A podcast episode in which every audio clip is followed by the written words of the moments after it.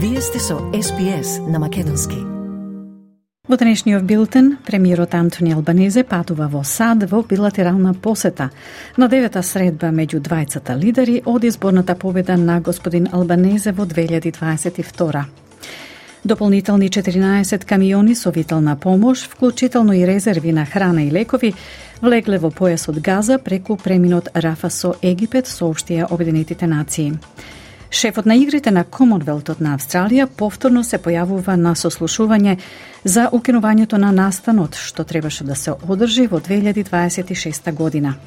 И таен состанок на Македонско-Бугарската историска комисија одржан во Софија, од кој нема информации за јавноста. Останете со нас. Премиерот Антони Албанезе патува за Вашингтон за да се сретне со председателот на Соединетите Американски држави Џо Бајден, откако најави и посета на кинескиот председател Кси Джинпинг кон крајот на оваа година.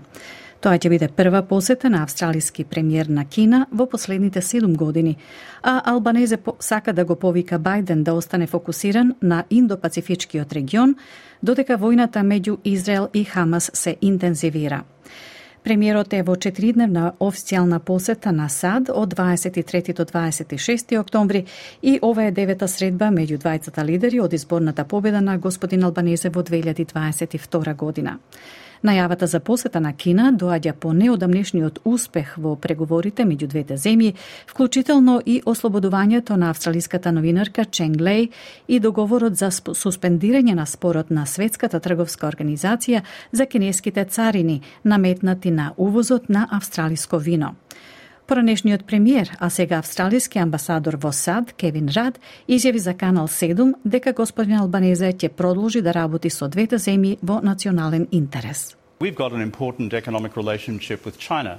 The Prime Minister's determination has been to stabilise the relationship with China. So too is the United States currently seeking to stabilise its relationship with China. But we'll continue to affirm the absolute centrality of our alliance with the United States. Обединетите нации соопштија дека дополнителни 14 камиони со витална помош, вклучително и резерви на храна и лекови, влегле во појасот Газа преку преминот Рафа со Египет. Ова доаѓа откако испораката на хуманитарна помош на преминот меѓу Египет и поесот Газа беше запрена на 22 октомври по гранетирањето во близина, при што портпаролот на израелските одбранбени сили подоцна изјави дека израелски тенк случајно испукал и погодил египетска позиција. Портпаролот на египетската армија во изјава на платформата X, порано позната како Твитер, рече дека неколку египетски граничари се здобиле со полесни повреди, откако случајно биле погодени од фрагменти од граната испукана од тенкот.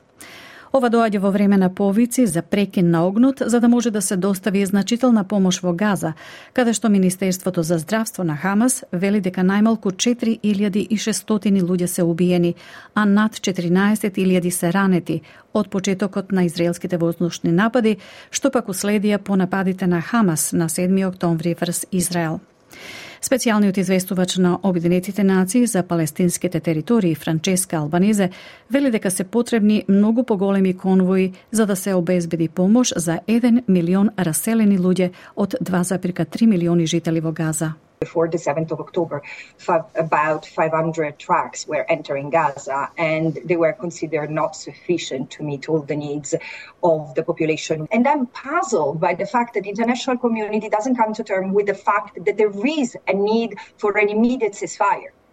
Семејствата на некои од заложниците земени од Хамас во нивните напади врз Јужен Израел повикаа на меѓународна акција со цел заложниците да се вратат дома.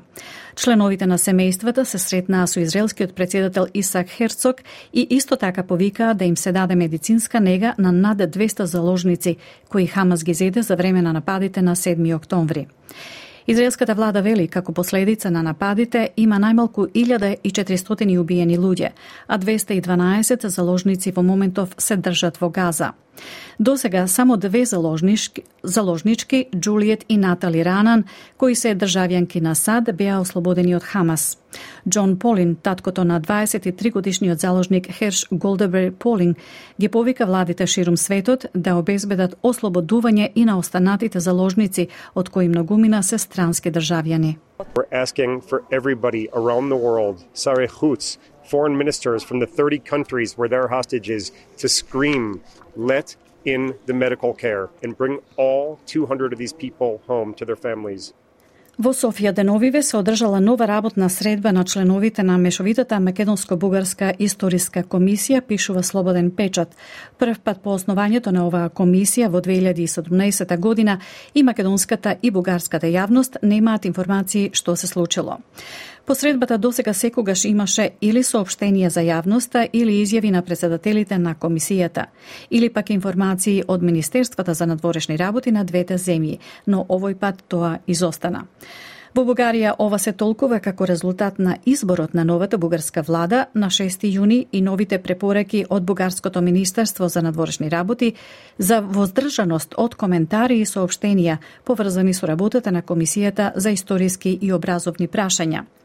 Се предпоставува дека оваа препорека била испратена и до Македонското министерство за надворешни работи, кое очигледно ја прифатило. До сега оваа комисија ги усогласи препораките за заедничко одбележување на Свети Кирил и Методи, Свети Наум Охридски, Свети Климент Охридски и Цар Самуел, како и пет препораки за учебниците по историја за пети клас во Бугарија и за шесто оделение во Македонија, што се однесуваат на периодот на антиката. Во тек е усогласување на отворените прашања за Охридската архиепископија, за Гоце Делчев и за Илинденското востание. Повторно во земјава цените на бензинот скокнаа за над 7% во трите месеци заклучно со септември, зголемувајќи го притисокот врз австралиските домакинства кои се борат со кризата од животните трошоци. Сојузното министерство за финансии очекува зголемувањата да додадат четвртина процентен поен на инфлацијата за септемвриското тромесече, кој ќе се забележи најновиот индекс на потрошувачки цени оваа недела на 25 октомври. Конфликтите меѓу Израел и Хамас на Блискиот исток исто така се очекува дополнително да ги зголемат глобалните цени на нафтата, но тие нема да бидат опфатени во септемвриските податоци за инфлацијата. Податоците од Австралиското биро за статистика ќе бидат разгледани пред состанокот за каматните стапки на Резервната банка оваа среда. Нови извештај покажа дека цената на храната е главен придонесувач за несигурноста на храната во Австралија, при што речиси половина од населението се чувствува загрижено дека може да гладува. Годинешниот извештај за гладта на Фудбанк открива дека 48% од општата популација се чувствува вознемирено или се бори постојано да пристапи до соодветна храна. Во извештајот се вели дека 3,7 милиони домакинства доживеале несигурност во храната во последните 12 месеци, што е зголемување од 3% во, мина, во однос на минатата година.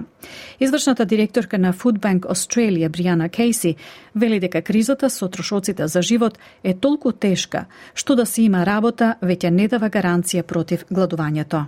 We know that we are seeing people who are younger. We know we are seeing people who are employed. A job is no longer a defence or a shield against food insecurity, and it's presenting Food Bank with some really big challenges in terms of meeting the demand for food relief, but also having to change the way that we can reach communities, given that we are now dealing with so many young professionals. Шефот на австралиските игри на Комонвелтот повторно ќе се соочи со истрага за откажувањето на настанот од страна на Викторија, што требаше да се одржи во 2026 година. Главниот извршен директор на Commonwealth Games Australia, Крейг Филипс, денеска ќе се појави по трет пат на парламентарната истрага во Викторија сред барањето за нов домакин на игрите. Викторија ги откажи игрите што требаше да се одржат низ регионалните области во јули, наведувајќи дека нивната првична проценета цена се зголемила од 2,6 милиарди долари до 7 милиарди долари. Од тогаш, државната влада се согласи да им плати на организаторите 380 милиони долари како компензација, при што господин Филипс предложи одложување на следното издание на игрите до 2027 година со цел да му се даде на секој потенцијален домакин повеќе да време да се подготви. Благаникот Джим Чалмерс му се придружи на поранешниот благаник Уейн Свон во сеќавањето на Бил Хейден, истакнатиот лабористички политичар кој почина во саботата вечерта на 21 октомври. Господин Хейден беше министер за надворешни работи, благаник, лидер на лабористите и помеѓу 1989 и 1996 година беше 21-иот генерален гувернер на Австралија. Джим Чалмерс го пофали лидерството на господин Хајден во 1975 година по разрешувањето на премиерот Гов Витлам од страна на тогашниот генерален гувернер. Now, it's tempting to see Bill Hayden as the transitional figure only between Whitlam and Hawke, but he was transformational as well. Uh, the golden era of reform, the 80s and 90s, might not have happened were it not for the work that Bill Hayden did. Uh, Bill Hayden was the personification of Labor at its best, that combination of responsible economic management and economic reform at the same time. И Уейн Свон ја пофали работата на господин Хейден за создавање пензија за самохрани мајки и за воведување на Медибанк, предходник на Медикер. Бил докажа дека политичкиот живот е чесен живот, а чесниот живот може да ја промени земјата, рече господин Свон. I mean, Bill proved that a political life is an honourable life, and an honourable political life can change a country. And if we look at what Bill did, it was the groundwork that he laid, along with others, particularly Paul Keating, to drive the economy in Australia over the last 25 years, to make it one of the most productive and one of the most significant economies in the world. So much so, we have a seat now at the G20.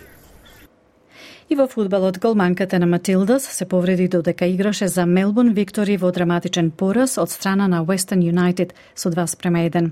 Виктори го постигна првиот гол во надпреварот во лигата за жени вчера пред Юнайтед да го изремни резултатот во 66-та минута. Но во драматичен финиш на мечот, Юнайтед во 90-та минута постигна уште еден гол. Уилјамс се сруши на земја обидувајќи се да ја спаси топката при што ја повреди раката и пошто доби помош надвор од теренот.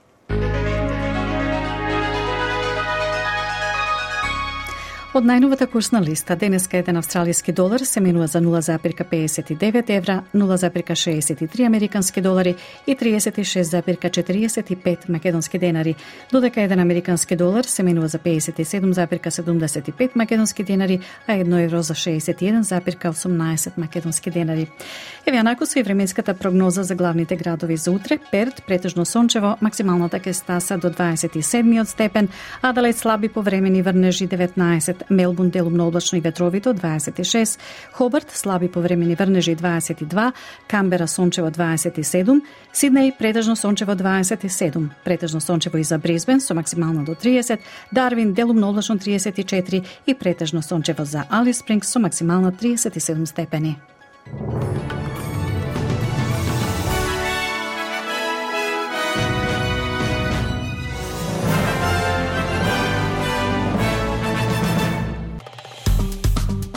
Стиснете, ми се допаѓа, споделете, коментирајте.